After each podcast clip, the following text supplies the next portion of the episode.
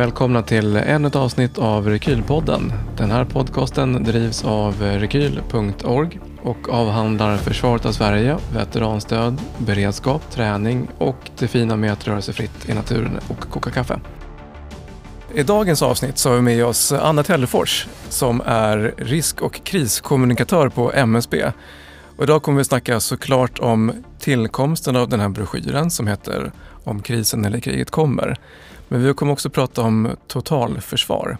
Eh, det är ett ganska brett område, men det är lika, lika gott att vi börjar dyka djupare i det här. Eh, men det är en intressant tid att vara på MSB. Eh, vad, vad tänker du om det som händer idag, just nu? Oj, vad många breda saker jag tänker. Det är verkligen en intressant tid att jobba med vår beredskap ju. Mm.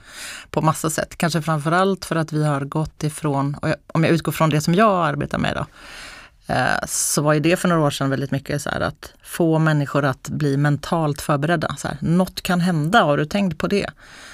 Um, till att vi nu har varit med om en massa saker och upplever en massa typer av kriser, katastrofer, krig till och med. Mm. Um, vi såg det inte komma. Nej men det är liksom, eh, mycket hade man ju kunnat förstå att det var på gång. En del annat har ju liksom bara hamnat i, i våra knän. Och det hamnar ju också liksom i våra knän hemma. Mm. Eh, alla behöver förhålla sig till det här på något sätt. Ju. Så från att ha pratat mycket om risker så, så har det liksom blivit mer och mer kris egentligen. Då, mm. kan man säga. Ja, mm. precis. Mm. Men hur kom du in på det här spåret? Eh, jätteslumpartat. Jag har ju en bakgrund inom media, inom sånt här, radioproduktion. Mm. Jag var med och startade reklamradion i Sverige för 30 år sedan. Mm. Men när, innan det var jag en sån här närradionörd liksom, från när jag var 12-13 år. Mm. Eh, tycker jättemycket om att skapa. Eh, skapa. Mm. Producera dokumentärer, program, jag är väldigt musikintresserad. Alltså. Jag kom liksom från den sidan lite. Mm. Och sen så ah, jobbade jag med massa olika saker. Var med och startade också mycket så webbprojekt på 90-talet. Ett föräldracommunity eh, och lite sånt. Jag gillar startups väldigt mycket. Mm. Eh, och sen så skedde ju tsunamin då 2004 eh, där i mellandagarna. Då var jag föräldraledig med mitt första barn. Och då blev jag uppringd liksom av någon som behövde massa frilansjournalister, så jag jobbade som det då ungefär. Eh, vi ska skapa en portal för kris, alltså det var ju då dåvarande krisberedskapsmyndigheten som alla ner sen. Mm. Eh, de behövde massa folk där efter julen att egentligen skriva det första krisinformation.se. Mm. Som då skulle vara till gagn för de som hade drabbats i Thailand, kanske kom hem och förlorat anhöriga. Vem ska man börja kontakta i den här djungeln av myndigheter? Liksom? Vem ansvarar för vad? Så vi var ett äh, jätteblandat gäng som satt i två, tre veckor och bara skrev ihop det där. Och sen tänkte jag inte mer på det, fick fler barn, var hemma jättelänge med dem. Och sen så dök det upp en annons, liksom så här, nu ska vi starta krisinformation.se på riktigt. Mm. Vi söker en redaktör. Och då hade jag arbetat med väldigt många kriser och katastrofer som programledare egentligen. Jag tänkte efter. Så jag hade ju sänt under Estonia eh, händelsen, mordet mm. på Anna Lind, Göteborgsbranden. Jag hade liksom varit van vid så här, hur pratar man till folk? Mm. Ö, hur fångar man upp deras känslor? Hur gör man bra något bra av det här. Så jag tror att det var därför jag fick det här jobbet då som krisinformation.ses första redaktör och startade det. Just det. Och då skulle jag vara ett år då på den mm. myndigheten som heter KBM. Och nu har det gått 15 år. Jag är fortfarande kvar. jag var tvungen att dra historien för den är så konstig. Eh, men så var det. Och sen har jag blivit mer och mer intresserad egentligen av de här frågorna. För att kris är liksom något som jag tycker är väldigt roligt att jobba med. Låter konstigt kanske men jag tror det är många som förstår vad jag menar i det ja, här det forumet. det finns både vad säga, en, en praktisk eh, applikation av att mm. kunna hantera en kris. Och så finns det såklart en lockelse i kris, ungefär som det finns i, liksom, i andra lite mer dramatiska teman. Verkligen, och det tar ju fram så mycket hos oss människor. Och det är väl mm. det här mm. beteendevetenskapliga som jag tycker är kanske mest intressant. Att, mm. att ha fått se nu hur nya generationer liksom tar till sig det här att vi måste jobba tillsammans. Har du, känner du din granne? Eh, liksom det här som vi från mm. MSB tjatar så mycket om. Oh, det är som att folk har fattat det nu efter pandemin då framförallt. Liksom. Jaha, jag kanske måste hjälpa någon annan. Wow, jag mm. är viktig. Det är ju väldigt häftigt tycker jag. Men är, är det någonting som skiljer mellan generationer tänker du? Jag tänker otroligt mycket på sånt och vi har undersökt en hel del mm. också. Vi gör ju väldigt mycket undersökningar eh, på MSB, var befinner sig människor liksom rent, alltså den här frågan, så här, hur mycket har du hemma för hur lång tid? Den mm. frågan. Men sen också liksom, vad, vad känner man, vad är man rädd för kanske, så här, vad oroar man sig för? Och då tycker jag det som det som utkristalliserar sig är väl kanske då förändringen hos jag brukar säga lite slarvigt säga 80-talister, det är inte hela sanningen, men, men kanske de som har vuxit upp i Sverige i alla fall då och haft det ganska tryggt och bra med god ekonomi. Just det, de, eh, de bra åren. Så de säga. bra åren, ja. Eh, som, har varit, som har blivit vuxna under de mm. bra åren. Och inte minst liksom typ gamla eh, kriser som aids och så. Mm. Eh, utan som verkligen deras första grej var pandemin. Just det. Så. Där ja, det är ganska det... rejält glapp där, alltså man tänker sig ja. i händelser. Jag tänker att det är det. Jag är ju född i början på 70-talet. Mm. Och jag tänker att jag har med mig mer mm. av sånt på något vis. Mm. Uh, så, så, det är en, en typ av uppvaknande som jag tycker är väldigt roligt att få följa. Mm. Och det är också den generation som man ser nu verkligen tar till sig alltså som börjar använda grannskapets gemensamhetslokaler för att typ sy. Ja. Äh, ja, det är bara amazing. det är verkligen jättehäftigt tycker jag. Men sen har man ju kanske då, om vi säger 70-plussarna eller pensionärer, mm. som är en åldersgrupp som jag själv vurmar mycket för. Um, där har jag följt ett forskningsprojekt nu under några år där mm. man har undersökt hur var deras situation under pandemin. Just det vad tyckte de faktiskt mm. och liksom hur tog de till sig budskapen och så. Mm. Eh, det är ju en fantastisk grupp människor som jag tycker att vi slarvade bort under pandemin. Vi liksom bara, ni får inte gå ut. ni får inte göra någonting. Ni mm. är helt liksom, ja det är så himla farligt för er. Det där kan man verkligen liksom diskutera så här i efterhand och där var ju en svår avvägning då rent liksom smitt smittskyddsmässigt, vad var bäst? Men också så här, det var ju en väldigt bred åldersgrupp. Mm. Och många, de flesta var fortfarande väldigt så här, är aktiva. ju friska och aktiva. Ja, precis. Eh, och kan mycket om totalförsvaret, ja. har gjort militärtjänst, har liksom, är redan en organiserad grupp för att de har sitt föreningsliv. De är väldigt starka på det ju. Mm. Allt från körer till PRO-verksamhet och så. Och också väldigt så ödmjuk i egenskap av ålder bara här är personer som är otroligt viktiga för oss mm. i Sverige och hela världen. Mm. Och hur lyfter vi den gruppen då? Liksom? Hur lär vi oss av den? Ja, vad har ni dragit för slutsatser där? Eh, jag var moderator för ett seminarium vi hade där vi tog in lite olika gäster som pratade om det från eh, som, eh, PRO, första vice ordförande PRO, Ylva Thörn var med, och så var mm. förre riksbankschefen med, Stefan Ingves. Mm. För att liksom bara nu är det en ekonomisk kris och du har gått i pension. Hur känns det? Liksom, varför, varför är det bra att vara åldersrik i kris? Och han hade mm. otroliga inspel till det. Det var mm. jättespännande att höra honom. Han ja. är ju en otrolig kraft, måste jag säga. Vad var hans take på den? Uh, ja, det var allt möjligt. Mm. Han var ganska öppen med så jag tyckte det var lite jobbigt också. Men, men även, liksom, det är dags att dra sig tillbaka, men i sin roll som liksom senior så kommer han ju alltid liksom ha viss input inom sitt verksamhetsområde. Så. Mm. Men han berättade också om liksom sin uppväxt. Han, han kom ju till Sverige från Finland liksom, som ung person utan några som helst resurser. Mm. Han berättade väldigt fint om hur han hade hur han tagit sig fram mm. i livet och i karriär och vad som mm. är viktigt för honom. Mm. Och kom med jättemånga bra tips, jag minns inte alla nu men 70-plussarna slår tillbaka hette seminariet. Och sen hade vi med hon Gympa-Sofia från SVT som mm. också berättade så otroligt rörande om eh, den här åldersgruppen, hur, ensamma många kände sig och ledsna och utestängda. Mm. Liksom. Här har man jobbat Särskilt om man lever liv. ensam och inte lever ett par till exempel. Ja. Så kan det ju vara väldigt jobbigt. Ja, men också det här, ja, otroligt tungt för många. Mm. Men också det här, eh, jag har alltid bidragit till samhället mm. och nu, nu, får jag inte det. Alltså nu är jag bara betraktad som en passiv icke-resurs. Det är mm. jätte, det är ganska märkligt. Ja, men då kommer man ändå från en del av historien som har en kollektivism i ja. sig. Eh, som kanske liksom har tryckts tillbaka och sen så att inte få vara kvar i den, det kan såklart ställa till det för dem. Mm. Så den generationen kan jag ju prata länge om som du hör. Men jag tror att den är väldigt viktig, att vi inte Vilken generation har vi glapp i då? Där man säger så här, här, det här finns det liksom ett kommunikationsgap som vi kanske kan fylla. Mm. Jag tror inte jag har identifierat det klart än, men jag tänker väldigt mycket på olika typer av grupper och jag Mm. brinner mycket för funktionsrättsfrågor också. Mm. Och vi vet ju att vi inte har lyckats nå alla med Mm. vår kommunikation.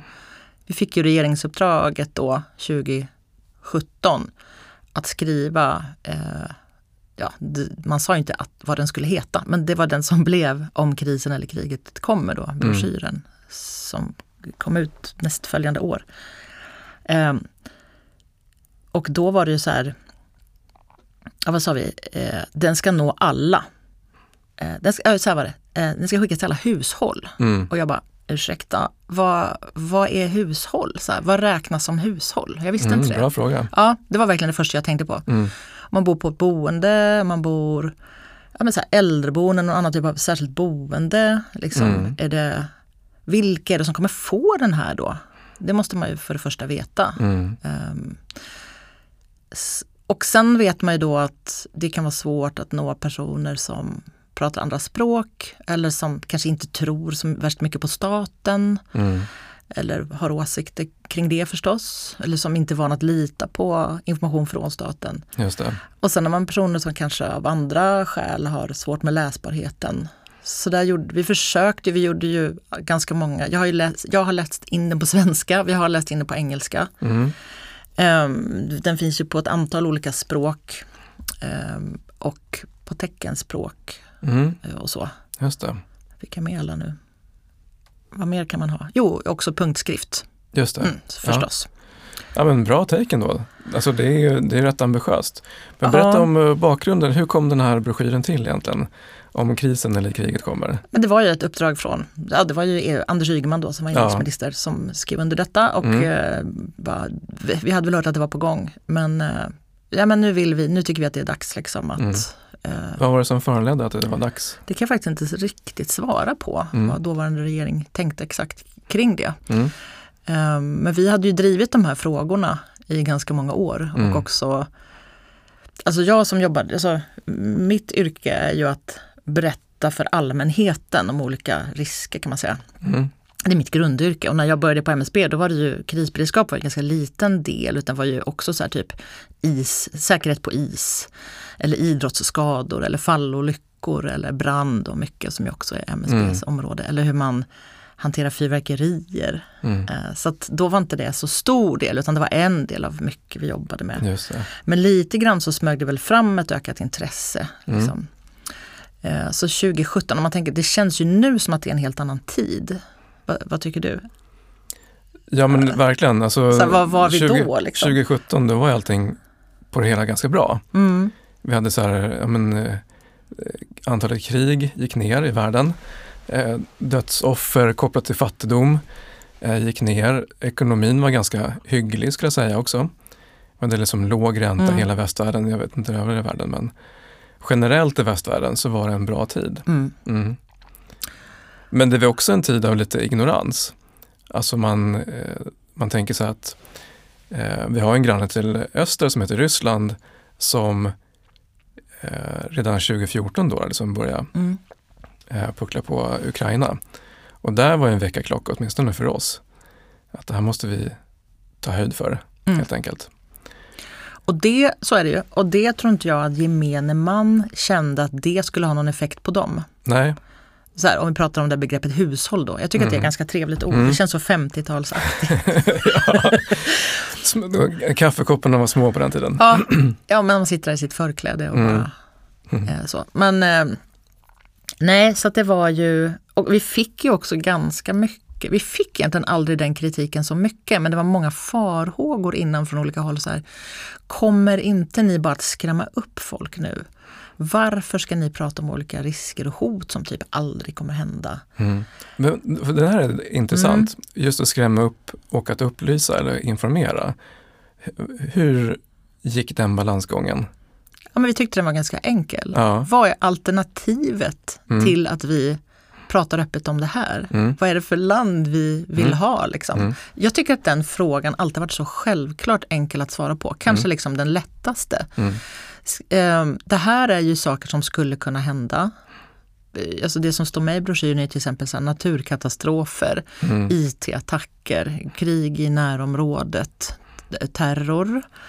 Ehm, men det är också så lång, alltså långvariga störningar i infrastruktur, Kanske till exempel då ett långt elavbrott som påverkar liksom allt från trafik till mm.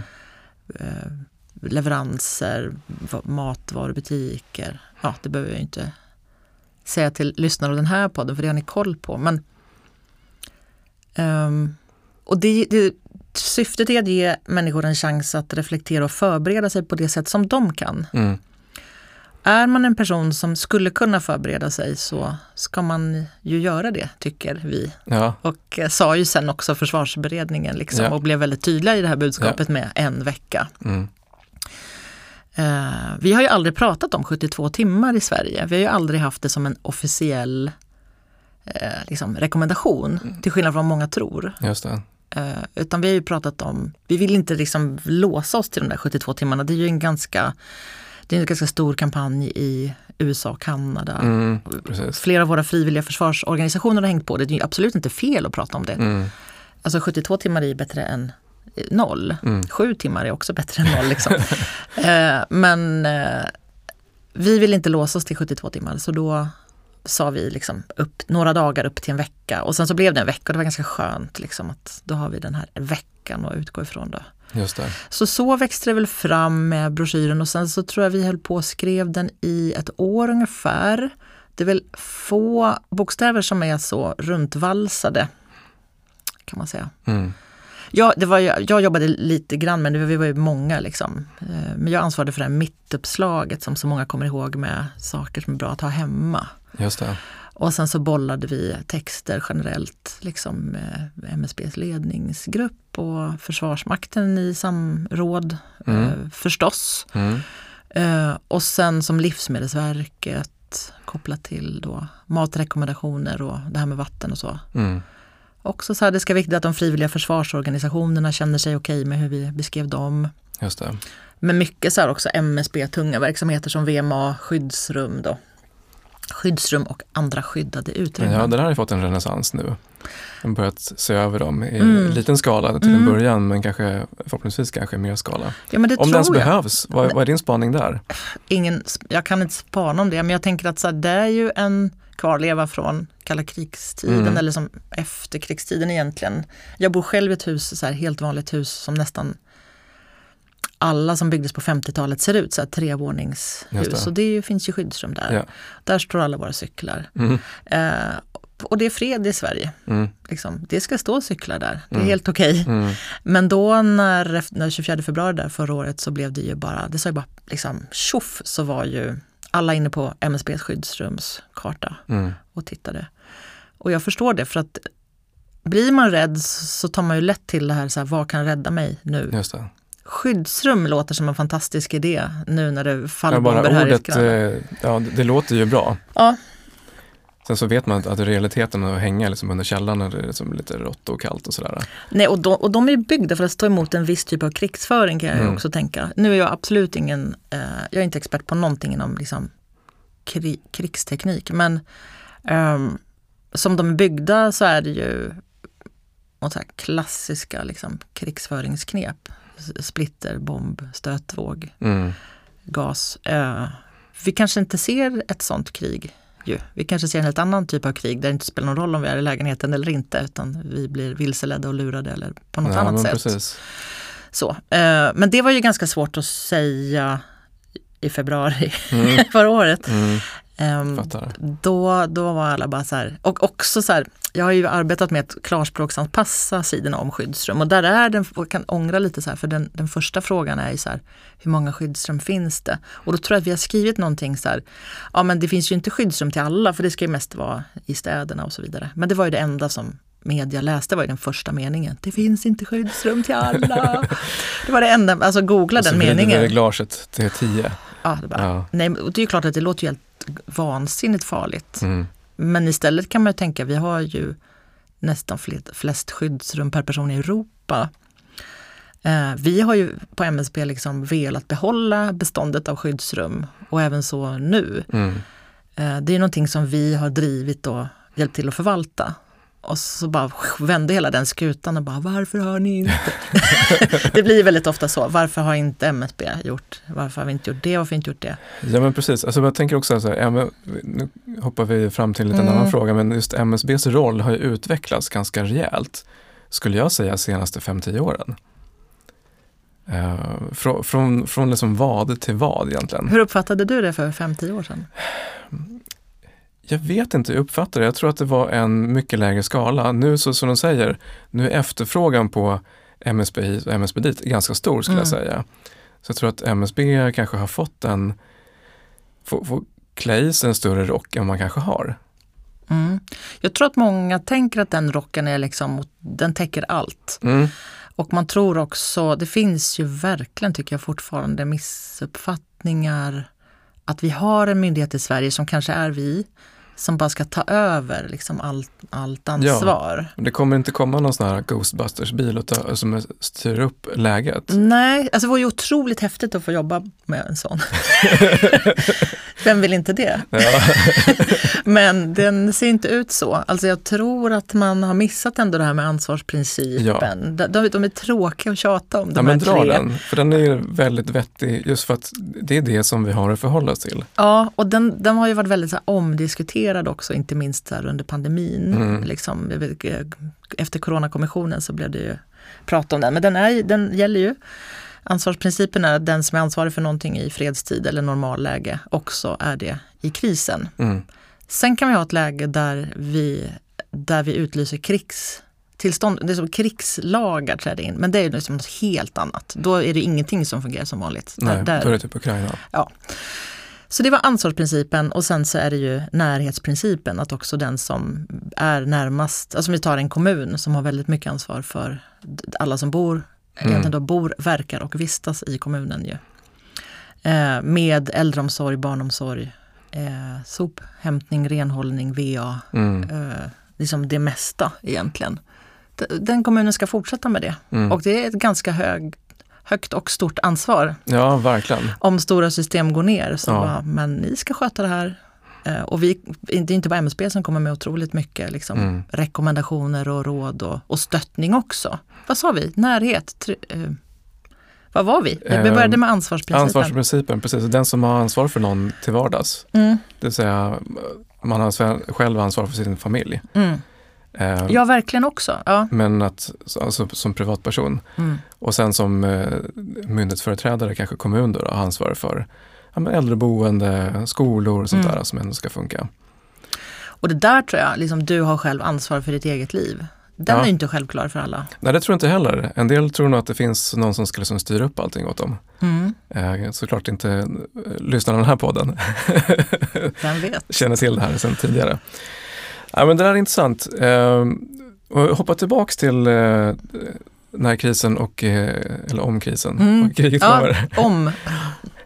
Eh, under militärtiden fick man alltid höra när kriget kommer. Mm. Med lite glimt i ögat såklart. Då, men eh, för jag tänker, hur ser mot, hur mottagandet sett ut av den här och ser ni någon förlängning av den? En ny produktion helt Ja, enkelt. den kom ju för fem år sedan. Har mm. du, tittar du ofta på den som är från 1961? Nej, jag tänk, nej intressant. Vi, vi bubblar just om det innan vi kör igång den här. Om det fanns en sån, eh, och det finns det, eh, och den fanns också i telefonkatalogen i ett litet kondenserat format. Just det, där är den. Den här finns också på Armémuseet. Jag kommer ta en bild på den här och försöka länka upp den här någonstans. Eh, så ni kan hitta den i show notes. Där är den ja. Den där är från 1961 och som Just du öppnar det. den så är den underskriven av då, dåvarande vår otroligt långvariga statsminister. Just det, Tage Erlander. Ja, och eh, dåvarande kungen. Eh, så att den där kom ju 61. Det där var senaste gången man hade skickat den till alla hushåll.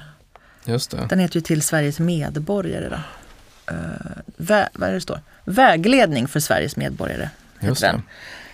Uh, nu ska jag böja mig bort här bara lite. Uh, och sen har, som du sa så fanns det i telefonkatalogen om alla vet vad det är. Det är alltså en, en tjock klump med jättemånga sidor med telefonnummer.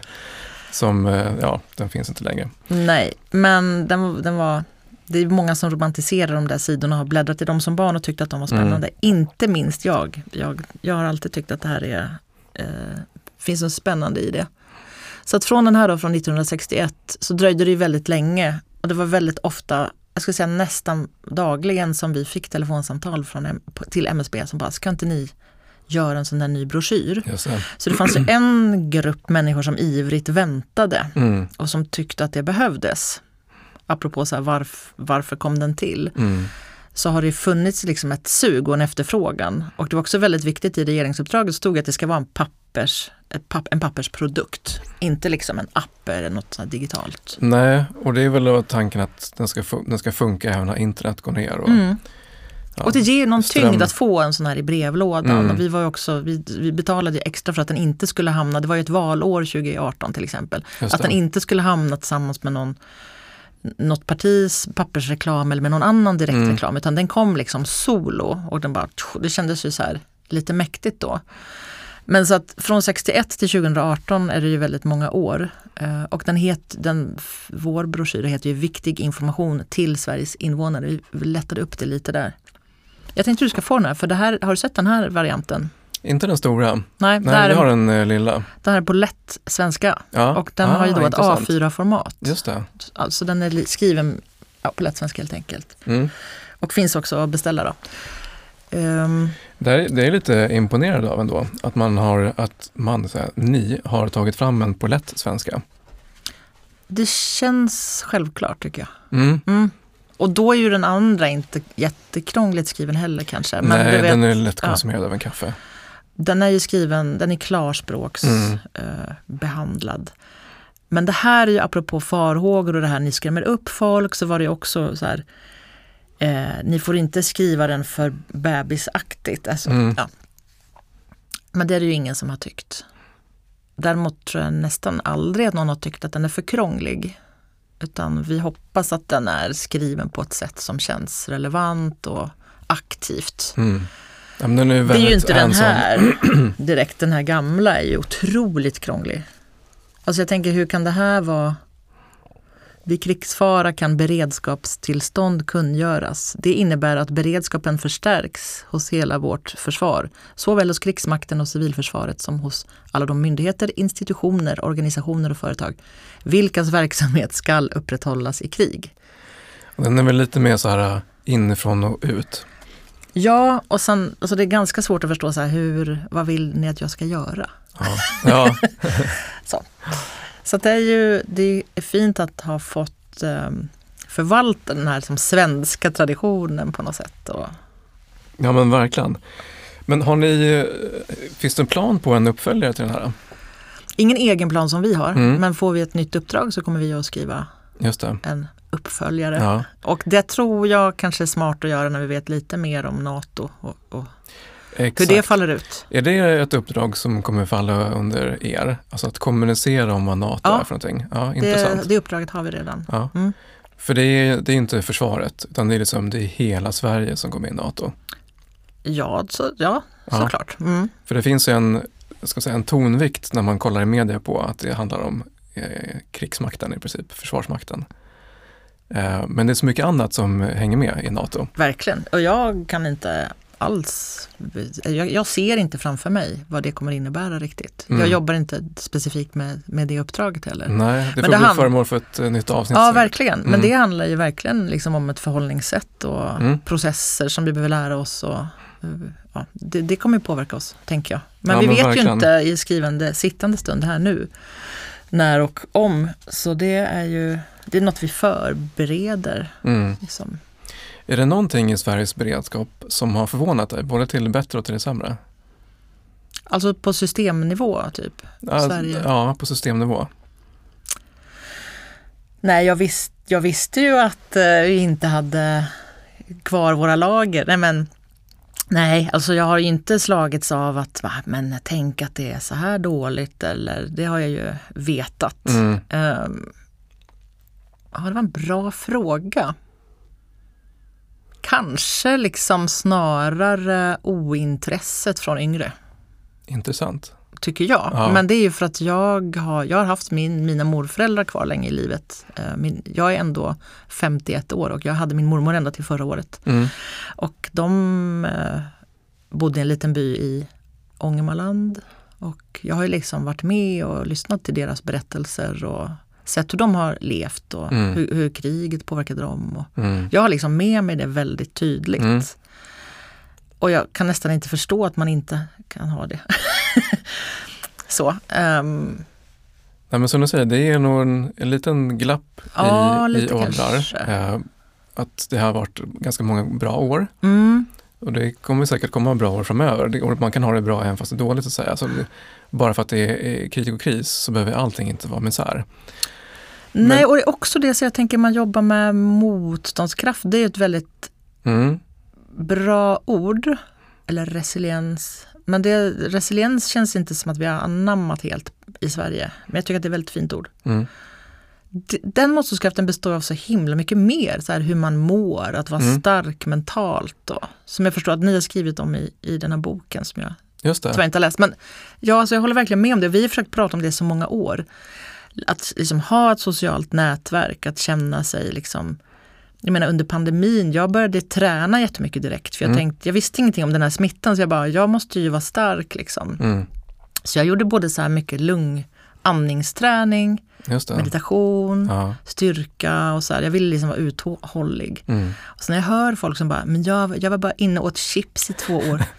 jag kan liksom inte riktigt förstå det. Nej. Jag tycker att det är lite dåligt. Olika försvarsmekanismer som kickar in. Ja, men jag, så jag lär verkligen mina barn också så här, ni ska klara av olika situationer. Det är Mm. jätteviktigt. Liksom. Man kan inte blunda för allting farligt. Jag, kanske att jag, som det enda som förvånar mig med Sveriges beredskap, det är att många människor är så ointresserade och liksom inte ser hur det berör dem. Mm. Det var inte det svar tror jag du tänkte. Nej, men eh, nej, det hade jag nog inte tänkt.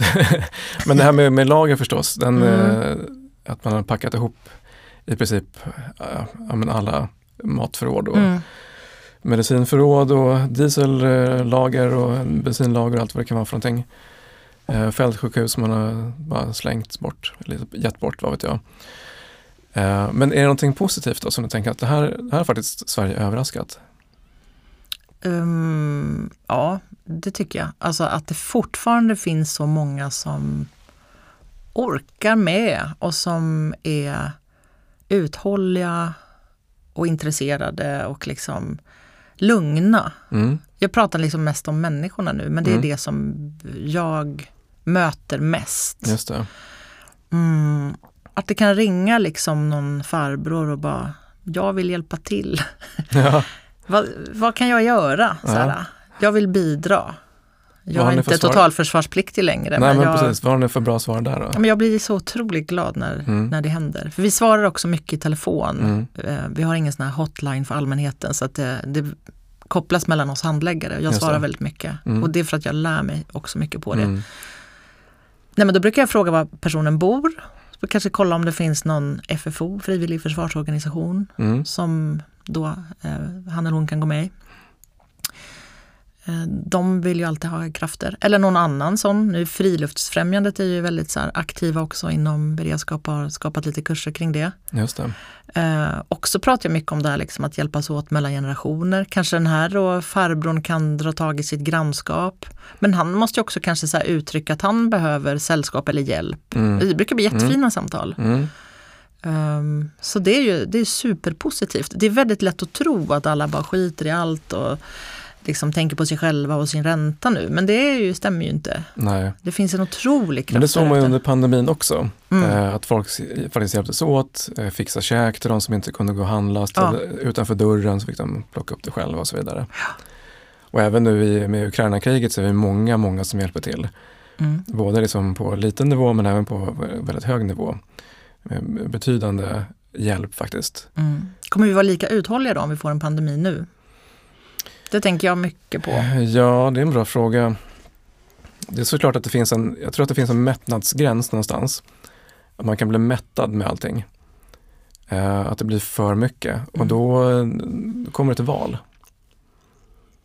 Och det finns väl också en, eh, vad ska man säga, en bra strategi i det här hos en motståndare till exempel, att ut, utnyttja mättnaden. Mm.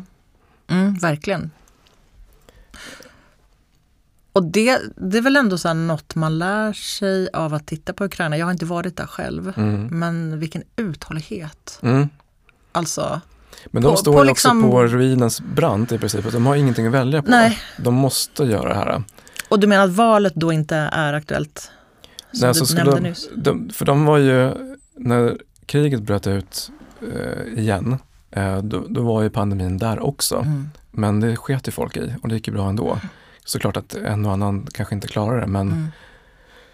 de, eh, jag tror att de är igenom det där nu, men eh, de har inget val heller.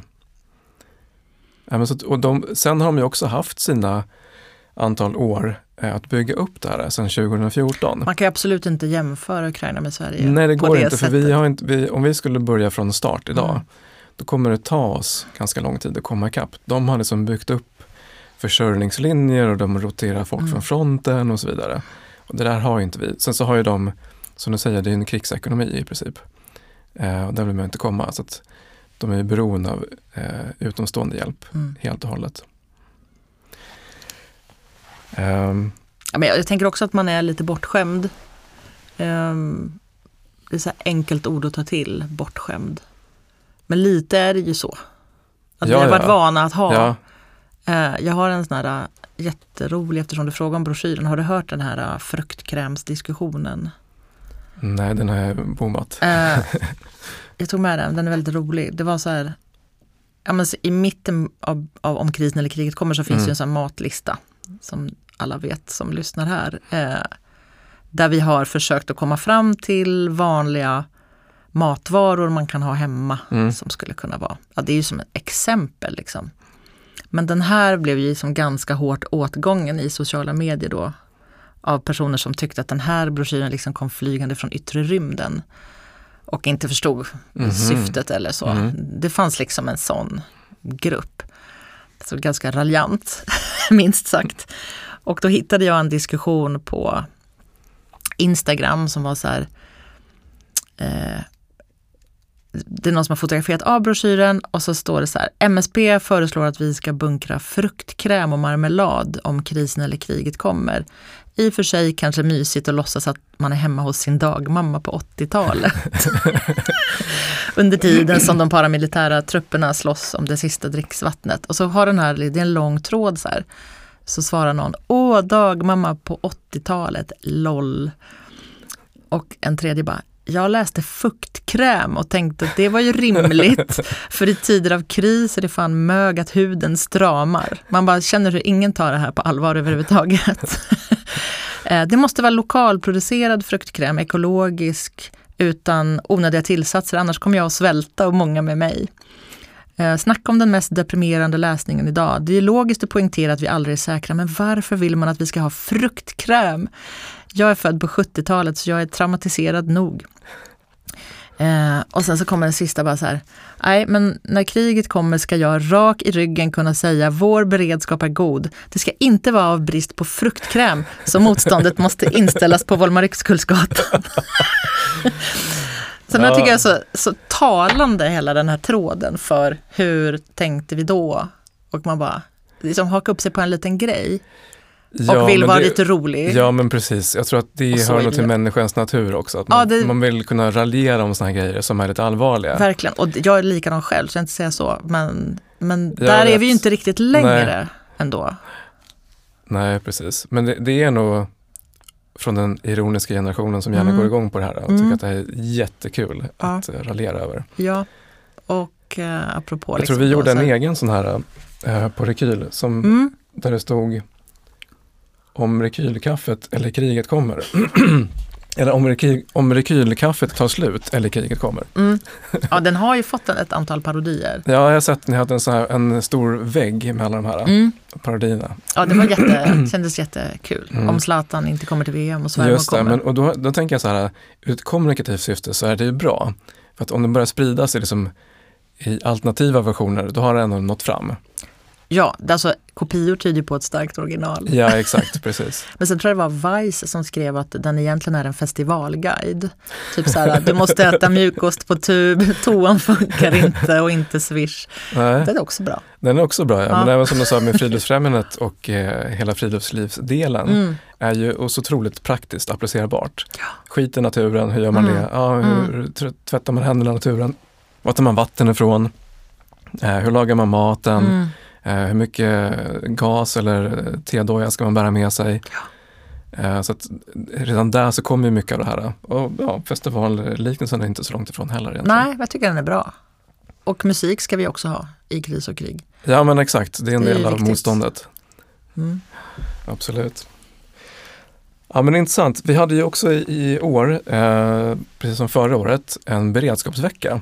Och I år så var ju temat öva. Mm. Ja. Vad- varför är det viktigt att öva?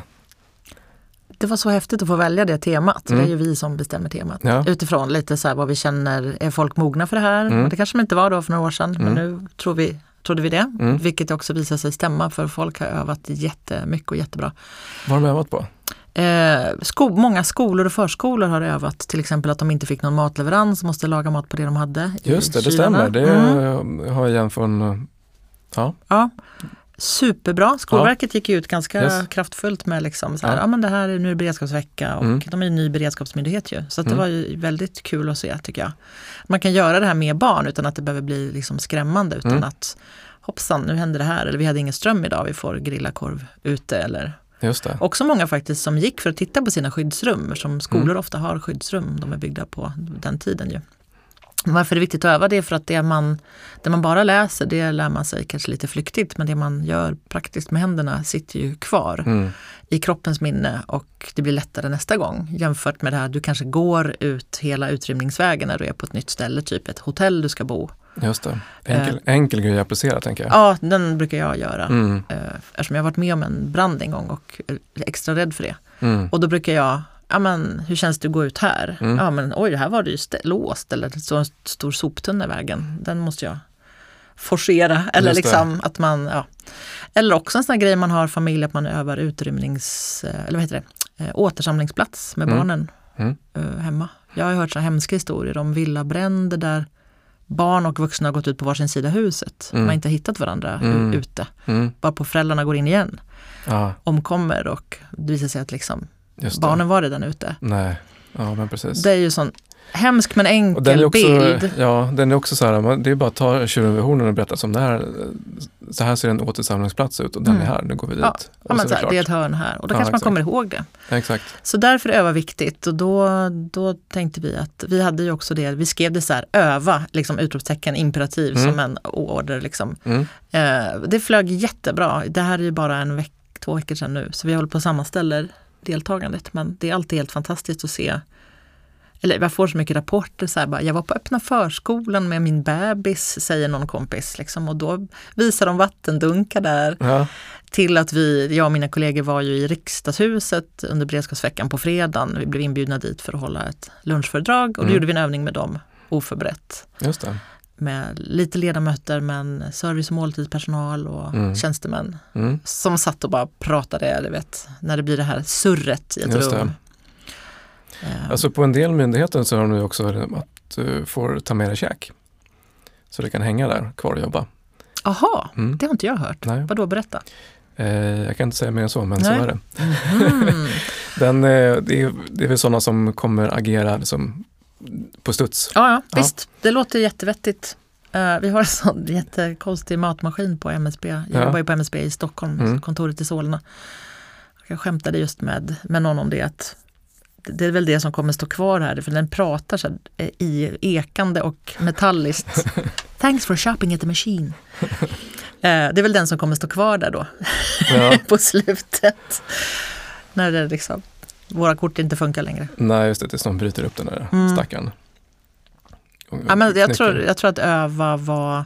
Skulle, vi leker lite med tanken om man skulle så öva, ha det som tema nästa år också. Mm. Öva igen. Mm. För att det är ju lite syftet att man säger, okej hur gick det sist? Vad, vad, vad blir vi bättre på? Ja, men det är nog en jättebra grej att inte liksom, eh, ta ett nytt tema. Nej, vi får se. Ja, Mm. intressant. Ja, men, och det har ju också ihop med, liksom, om man tänker sig hela, hela samhället måste ju funka. Det är, liksom, det är bara starkare än den svagaste länken. Mm. Eh, och det är klyscha såklart, men det är ju ganska mycket så. Det, det är många system som vi behöver kunna funka. Du måste ha vatten, du måste ha energi, du måste ha ja, det telekommunikation och så vidare. Kedjan tar liksom aldrig slut. Nej. Och jag tänker ju så här att totalförsvaret har ju också seglat upp som en kandidat som här behöver verkligen täppa till ett gäng eh, hål i, vad ska man säga, i systemet. Vad är din bild av, vad, vad, är, vad är totalförsvaret? Jag tänk, när jag hör ordet så tänker jag att det är ju ett totalt försvar som ska möta ett totalt krig, Mm. säger man ju. Men jag ser direkt också de här två benen. Mm. Det militära försvaret som ska möta motståndarens militära Mm. förmågor med militär kraft. Mm. Men också det civila försvaret som är det som vi egentligen då jobbar mycket som ett paraply över. Mm. Där det händer jättemycket just nu.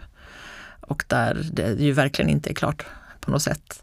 Men att man ser så otroligt mycket vilja och kraft, hos, Mm. inte minst hos företag skulle jag vilja säga, Mm. just nu. Bra. Det finns ju stort intresse för, vi har ju ett koncept som heter förberedda företag. Okej, vad, innebär, hemsidan. vad innebär det? Det är lite grann man kan, hur man skapar sin plan B Mm. all- i allt utifrån eh, sin egen kanske strömförsörjning, liksom, eh, Mm. kontinuitetshantering, Mm. hur, hur man fortsätter verksamheten men också så hur man skulle kunna ställa om verksamheten om man jobbar inom produktion då till exempel. Ja, du tänker för att försörja eh, nya delar, Mm. eller nya behov som dyker upp. Precis. Jag Ja, jag föreläste fattar. i våras, blev inbjuden till någonting som hette Scandinavian Outdoor Group Mm. som är en organisation då för alltså alla typ så här sovsex eh, och Mm. ja, alla möjliga sådana. Och det är ju våra, vän, våra beredskapsvänner, Ja. tänker jag, de Ja. företagen. Verkligen. Och där var det ju många som bara, men vi gör i vanliga fall, ullsulor men vi kanske skulle kunna hmm, göra det här. Eh, vi gjorde också en övning då tillsammans med dem. Mm. Eh, och man såg också exempel på det under pandemin. Liksom, företag Är det länkar som folk kan gå in på? Jag tänker så här, Mm, om, förberedda företag, ja, intressant. Då skickar vi en länk Ja. här också. absolut. Mm. Eh, nej men det här med plan B eh, och alltså, allt ifrån det till de här nya liksom, nu, så här, civilområdena som håller på att byggas upp och det är ju som ganska mycket så här, ny organisation och struktur i det som, som Mm. måste komma på plats så det tar ju ett tag. Men jag tycker ändå att det liksom, känns som att det finns väldigt god energi Mm. och vilja, vilket ju verkligen är liksom första steget Mm. mot att bygga det här. Eh, och sen pratar vi också ofta om att så här, du är en del av Sveriges beredskap. Eh, Försvarsmakten har en som heter en badge som jag har hemma som heter så här, du är en del av försvaret. Mm. Ja, men det är ju det Mm. som är budskapet. Att vi alla är viktiga. Och hur flummigt det än kan låta så, så kommer det ju att visa sig liksom, i någon situation att det stämmer. Ja. Och det är ju också för att eh, allt ska som pågå så långt det är möjligt eh, som, det, som det är vanligt så att säga, till vardags. Mm. Och det, precis det tror jag att många börjar förstå. Mm. Eh, Jag har varit med nu och gjort en föreläsningsserie, alltså en kunskapshöjning inom ämnet totalförsvar som var för lärare Mm. här under våren. Eh, När vi just pratade om liksom att barn har ju rättighet Alltså man har ju, barn har ju även i krig rätt till utbildning och omsorg och därför så måste ju många av vi som, alltså många av alla nästan funktioner i samhället ska ju bara pågå som du säger. Mm. Det betyder att vi kommer behöva gå till våra jobb. Det. Det betyder att lärare kommer att behöva vara i skolan Ja. och så vidare. Ja. Eh, och där är ju skolan och förskolan så extra viktig. Som har hand om så många barn Mm. till oss andra som också måste gå till våra jobb. ja. Eh, och det, det såg man verkligen i början så att de bara inte riktigt greppade. Men Nej. sen Mm. när man greppade, ah, då är det en väldigt häftig känsla att få känna sig viktig ja, men precis. också. Ja. Det här kommer ju med liksom ansvar och kanske också så här problem för ens egen del. Mm. Om jag ska göra det här, vem ska vara med mina barn? Alltså, det är ju väldigt så här, komplex kedja. Ehm, men det är ju så det är. Mm. Vi har liksom inget annat, vi kan inte lösa det på något annat sätt. Nej. Utan, ja. Nej men skolan som du säger, det känns som att de har, de har anammat det här ganska bra. Till stor Ja, del. På ganska kort tid, Ja, men exakt. framförallt. Ja. Eh, Så det är väldigt kul att se. Mm. Vad, vad ser du de största vad ska man säga, glappen, sårbarheterna i totalförsvaret? Alltså jag är inte rätt person att göra någon analys av det. Men jag tänker ju själv mycket på digitala sårbarheter. Mm. Eh, utan att ha kunskap om det så är det bara att gå till sig själv. Ja. Alltså hur fasen ska man hålla reda på allting digitalt? Mm. Eh, det blir bara mer och mer. Och jag vet inte om det är för att man blir äldre och trött i huvudet men det är väldigt lätt att göra små misstag. Och det tror jag liksom, det kan väl hela systemet också göra. Ja men, som, ja, men precis, och där är ju mycket av eh, cybersäkerheten börjar egentligen med individerna. Mm. Att det är individerna som måste ha koll på sitt för, först. Så att säga. Ja. För om inte det funkar så är det ganska lätt att uh, lirka sig in Mm. i större och säkrare system. Och oavsett om det liksom är mänskligt misstag eller Mm. attack eller någonting som händer i cybervärlden så är det ju stora konsekvenser det kan få väldigt Mm. fort. Verkligen. Och det är ju inget vi satt med här 1961 direkt. Nej. Då var det ju mer eh, mekaniska svårigheter liksom. Eh, Så det är ju... Jag tänker ibland så här, hur kommer det se ut om 20 år till? Ja, Vill jag, vill jag veta. Nej, men, det, det där är intressant. För det, vi vet ju inte det vi inte vet så att säga. Och det är nästan det är lätt till hands att vilja förbereda sig för det som redan finns. Just det. Men om man tänker sig det vi har nu, vi har haft pandemi, vi har krig i Ukraina och så har vi eh, krig i Israel och så har vi eh, polarisering och klimathot, massor med eh, gängvåld, eh, geopolitiska sprickor, stigande räntor. Det tar liksom aldrig slut. Så det är som vektorerna mot, vad ska man säga, eh, civilisationen är ganska, hotvektorerna mot civilisationen Verkligen. är rejäla just nu.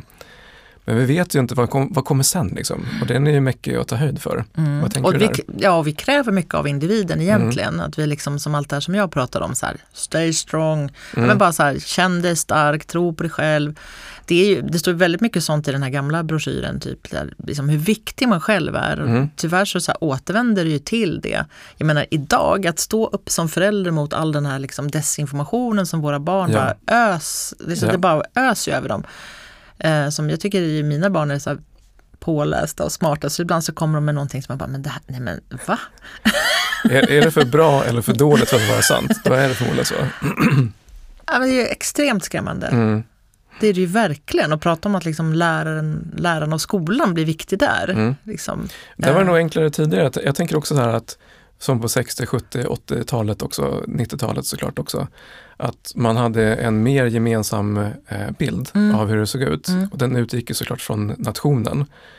Eh, men idag så ser, du kan ju se någon som kommer ifrån eh, Östasien sitta och kolla på någon eh, TikTok-video textat på krylliska och jag har inte en aning om vilket universum den här personen lever i. Det är fascinerande, Mm. men det är också eh, så att man kan leva liksom isolerade stuprör och kanske inte ha, alls ha samma eh, världsuppfattning. Nej, och TikTok tycker jag verkar gå ut mycket på att liksom skämta om andra kulturer, göra mycket skillnad på män och kvinnor, de är så Mm. tokiga och roliga. Och det där är väldigt så splittrande också Mm. tycker jag. Också det här med att liksom prata om psykisk ohälsa, det kan också bara bidra till splittring Ja. istället för tvärtom. Mm. Att det är så här, jag är så, ha ha ha, du är så.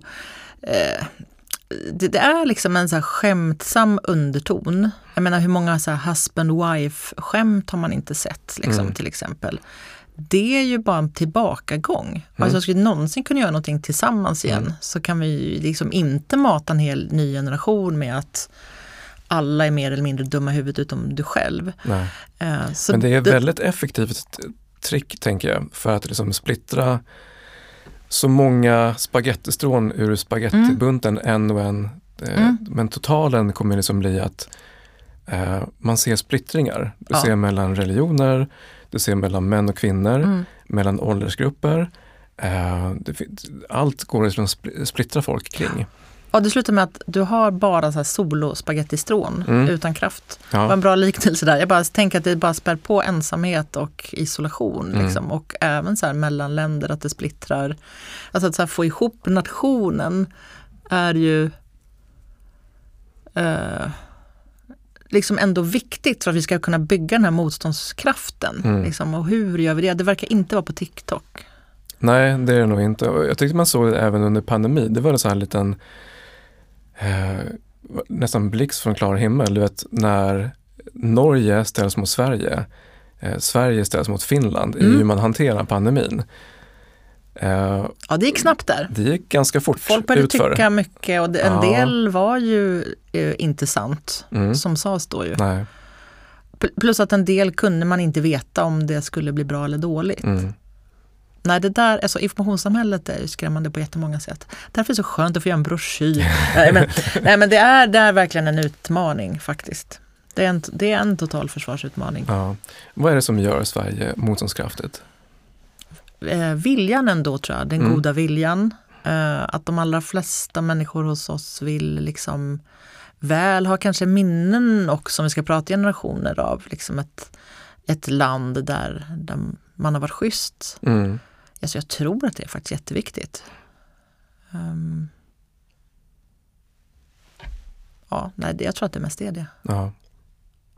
Ja, den, och, och, kraften i som, som jag vet är väl liksom uspen lite för den här podden, att friheten att, vad är det ni brukar säga, så här, gå ut och dricka en kopp kaffe i naturen. Det är en sån kraft man kan hämta liksom också där, den friheten som vi har och som vi har haft i så otroligt många år.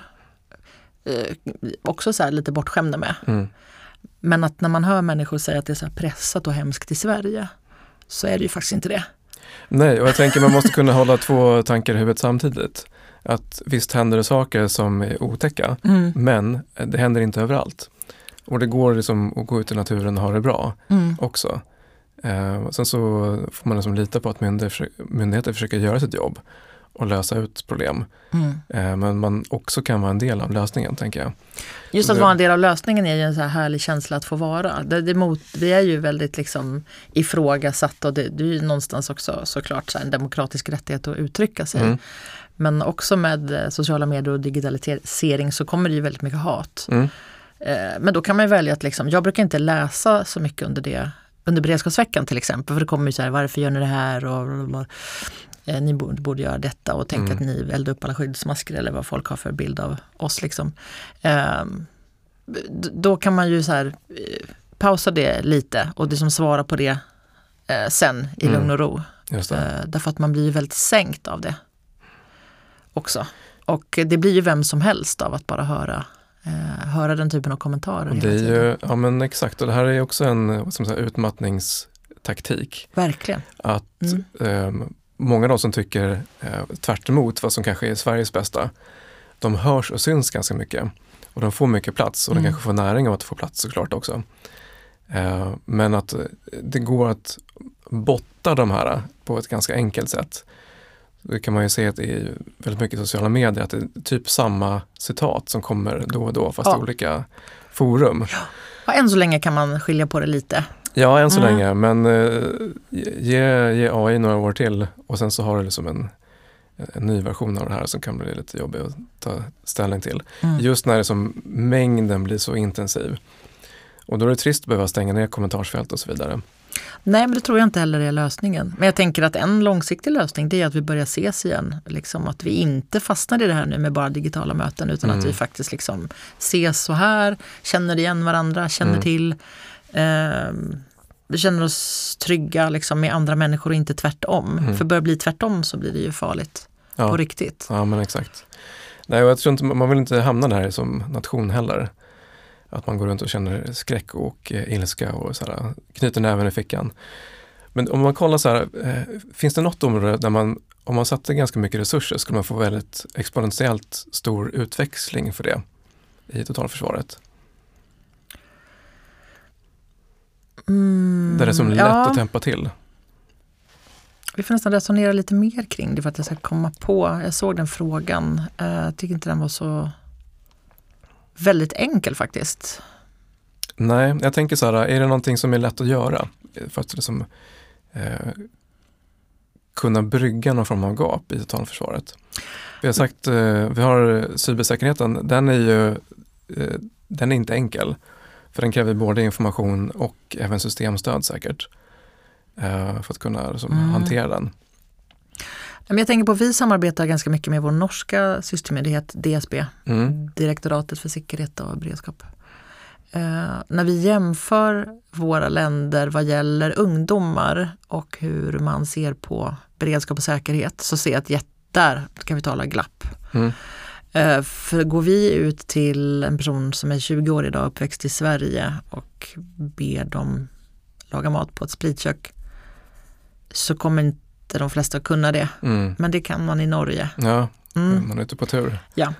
Här ser man, det kanske skulle kunna vara så ganska lätt överbryggat. Mm. Eh, alltså om vi pratar individnivå. Mm. Eh, ta, ta bort telefonen och ställ fram stormköket. Liksom. Gå ut och gör något Mm. med någon annan så kommer du se att du klarar av det och Mm. att du kommer lära dig någonting. Vi ser ju liksom en tillväxt så här, beroende på händelser eh, till våra FFOer Mm. och även så till scouterna och liksom den typen. Men då måste vi också vara beredda som vuxna att finnas där som ledare och liksom att vi ser till att det Mm. själv försörjs. Ja. Där vet jag inte riktigt var vi står nu när vi har då liksom den här åldrande 40-talist och 50-talistgenerationen som har varit så kollektivistisk. Ehm, kanske är det där vi liksom skulle kunna bygga någonting. Men det såg jag häromdagen faktiskt, en uh, scoutkår som agerade i närområdet och de, där var det påfallande eh, mycket äldre scoutledare Mm. som jag skulle bedöma var pensionärer i princip. Så det är ju Mm. liksom en väl utnyttjad eh, tid. Det låter ju toppen i så fall. Ja, Ja. ja, men det gapet, det känns som jag återkommer till det, men jag tror mycket på att liksom Mm. överbrygga det. men där känns som att man täckt upp både genom skolan som nu gör de här grejerna, man övar med matlagning och så vidare. Och, och i scoutkårerna så är det ju generellt yngre, de är under 20, Mm. garanterat. Eh, De som är scouter så att säga. Eh, Men som du säger så finns det de som är äldre, kanske någonstans mellan 20 35 som kanske inte har det här med sig. Vad vet jag. Mm. Ja, vi gissar bara nu, men det skulle kunna vara ett sätt. Ett, eh, en omedelbar insats för just när jag tittar på, på Mm. Norge och Sverige så tillvida så är det en stor skillnad faktiskt. Ja. Men har du något personligt favoritområde inom beredskapen? Jag tycker väldigt mycket om att laga mat och jag tycker det är väldigt kul att laga mat med så kniviga förutsättningar som Mm. möjligt. Så det går jag själv igång jättemycket på. Ja, Eh, jag, jag har köpt i, i många år så handlar jag, eller sen många år så handlar jag mycket svinnvaror. Nu har Mm. det blivit något som allt fler måste göra. Men att liksom bara att inte vara så här, åh vad ska vi ha veckomeny, vad passar till det här, åh då måste vi ha citron, utan bara, nu finns det det här, nu lagar vi något av det. Mm. Det tycker jag själv är det roligaste sättet Mm. och något som man lär sig på väldigt mycket också ju. Ehm, Har, har du några favoriter? ja, men jag gillar alla typer av bara så här men, alltså, nu säger vi att vi har el och vatten, menar att man liksom faktiskt bara börjar med, jag, jag har möblerat om mitt kylskåp, det är så här enkelt. Jag har, alltså man brukar ha en sån genomskinlig grönsakslåda längst ner, den har jag satt i mitten, så Mm. att det första jag ser är den. Och jag gillar kål väldigt mycket, det är ju så näringsrikt också. Mm. Så att typ kål, morot, lök, Mm. men liksom nästan alltid börjar allting med det. Mm. Och sen kan det ju bli vad som helst. Men att, och sen har jag köpt en så otroligt bra liten grönsaksrivare som bara på en sekund, alltså annars får man ju stå och hacka i hundra år. Det kan vara meditativt men det är inte alltid man har tid. Mm. Så att liksom kunna laga en bra stärkande rätt liksom snabbt. Mm. Och sen får jag torkad svamp från min moster i Ångermanland som bara äh, förgyller allt. Men det kan jag tycka är kul. Ja. Men annars har väl liksom min paradgren varit lite det här med radio. Och Mm. jag, jag var ju med och gjorde en podd hela förra året i P4 med Erik Blix som heter Beredskap. Just det. Mm. Ja. Eller jag var inte med hela tiden men jag var med återkommande. Och det tycker jag också kän- känns kul att få lyfta Sveriges Radios beredskapsuppdrag. Också till den här generationen som aldrig har skruvat på en frekvensratt. Nej, för hokus pokus så finns den på Spotify. Precis, och det, då, det kanske det inte gör. jag menar så här, om du säger Mm. så här, du ska lyssna på din lokala P4 för Nej. att det har blivit ett gasutsläpp. Ja, Mm. vad, vad är det om du Ja. inte har din telefon för Nej. en person som är född på 00-talet? Just det. Ställ fram en, en radio, ja men den skrapar ju bara. Nej men du Mm. måste vrida. Mm. Till vad? Mm. Eh, den utmaningen tycker jag är kul. Mm. Just det. Den, den har vi inte fattat att den finns. Nej. kanske. Men vi har, ju, vi har ju en utställning eh, som vi har byggt eh, för gymnasieskolan som heter Rädd eller beredd. En container som tillsammans med Statens försvarshistoriska museer och Riksantikvarieämbetet. Och där är en av, den är så immersiv, man ska uppleva. En av stationerna där är, man ska vara tre stycken, en som vevar jättefort Mm. och en som tar fram då på frekvensbandet. Och sen har vi låtit Sveriges Radio läsa in eh, VMA för alla lokala stationer beroende på vad den här containern är. Ja, ja. Eh, och sen ska man då tolka det som sägs Mm. jämfört med andra budskap man får i andra kanaler. Mm. Simpelt men funkar jättebra. Just det, och den är för gymnasieskolan? Mm, precis. Ah, Så den eh, Spännande. turnerar runt. Ja, så den är byggd på broschyren kan man säga. Så vi Just det. fortsätter liksom med de Ja. budskapen. Så ra- alltså radio och matlagning kanske då mm. skulle vara mina. Men sen så brinner jag verkligen för det här med liksom träning också och alltså den mentala förberedelsen som jag tycker det är.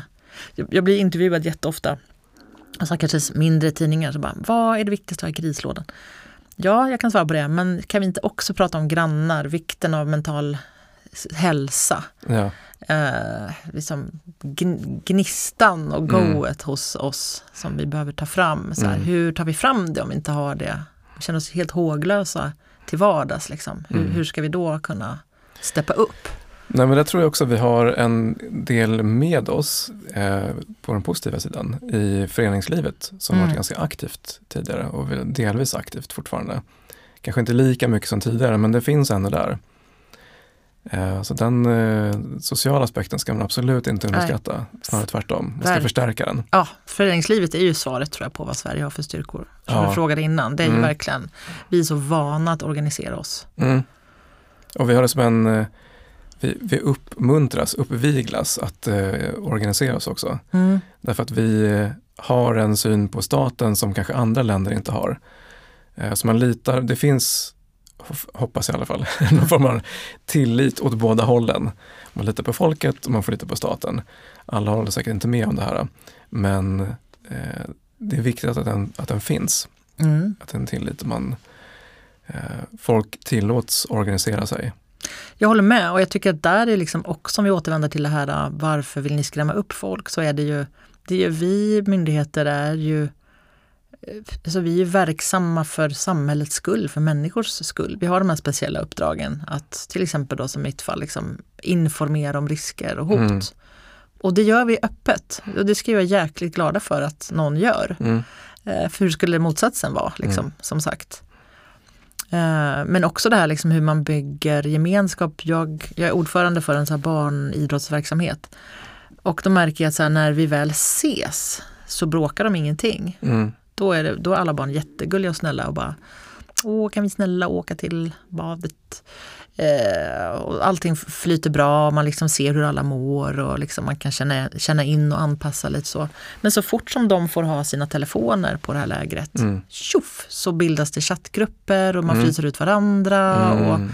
Just det där är en sån tydlig skillnad. Liksom. Också ju mer vi kan bara gå tillbaka till det här, så här träffas och sjunga och spela fotboll, vad vi nu gör. Mm. Stärka det, stärka det, stärka det. För den här stackars generationen är ju som så utlämnad till ett konstigt experiment via sina telefoner där de förväntas kunna kommunicera och gruppera sig. Och det kan de inte Mm. för att de är för små. Ja, stämmer. Så det, det tycker jag vi pratar alldeles för lite om Ja. På alla sätt. Och det är ju också en jätteviktig del av liksom vår motståndskraft. För att de, om de inte ens kan komma överens med sina kompisar, hur lätt är det inte att splittra då Nej, men precis. dem eh, med alla de här budskapen som vi har nämnt. Mm. Ja, det, många liksom bilder som är lite mörka moln som seglar upp. Så här. Men om du hade någon form av så här, magiskt trollspö och ville lösa någonting, vad skulle du hitta på då? Vad skulle du vilja lösa? Eh, lärande på något sätt som känns bra ifrån andra länder som har varit med om katastrofer. Jag skulle vilja att vi, alltså, så här, det är en integrationsfråga delvis, men att vi kunde öka förståelsen och lära oss något av de som redan är, har varit med om något. Mm. Det kan vara äldre personer som vi nämnde, det kan också vara personer som eh, har flyttat hit från eh, katastrofer och krig Mm. på något schysst sätt. Mm. Malmö stad gjorde det jättebra under beredskapsveckan. De Mm. gjorde, veckan innan gjorde de en kampanj där de frågade så här, jag kommer inte ihåg vad det hette, men det hette typ så här, hur, hur, kan, hur gjorde du? Eller hur kan du så mycket om det här? Eller, så fick människor liksom Mm, det, man- bidra med fakta. Och sen så lyfter man upp det igen och så här, Mm. vad kan vi lära oss av det här? Så att, Ja, men det är fiffigt att liksom aktivera Mm. och be någon känna sig lite viktig också. Jätteviktigt, för det märker man när man gör alla de här övningarna som vi har också Mm. skapat på MSB. För Mm. Då är det så här, ja men vi leker att det här har hänt nu. Eh, vad kan du? Mm. Och folk bara, jag kan ingenting först, säger de. Eh, och sen så kommer det bara fram helt fantastiska saker Just eh, hos alla. Ja. Alla varit med om att inte någon säger något. Nej, Det är ju något eh, magiskt över det. ja, men det där skulle man också kunna förstärka, helt Ja. klart. Så lärande mellan oss, Mm. det skulle vara min magiska liksom, mitt magiska trollspö. Bra. Mm. Du, det börjar bli dags att runda av. Men jag tänkte kolla, så här, hur ser din egen beredskap ut? Vad har du i väskan till exempel? I väskan? Ja, det kan jag säga att den ser ganska bra ut idag. Oj, måste man visa sin väska? Jag tror att jag tog med den. Jag har faktiskt vatten alltid. Ja. Jag brukar ta, jag åker mycket tåg. Då tar jag alltid en sån tågvatten. Ja, perfekt ja. Eh, jag var med om inte så länge sedan att det var en person på bussen som föll ihop. Och jag var på midsommarafton. Mm. Jag och mina barn fick hjälpa den personen. Och då var, mina barn är väldigt så här blåljusorienterade. så en kom fram med någon choklad och någon la sin kudd, tröja som en kudde. Och liksom, mm.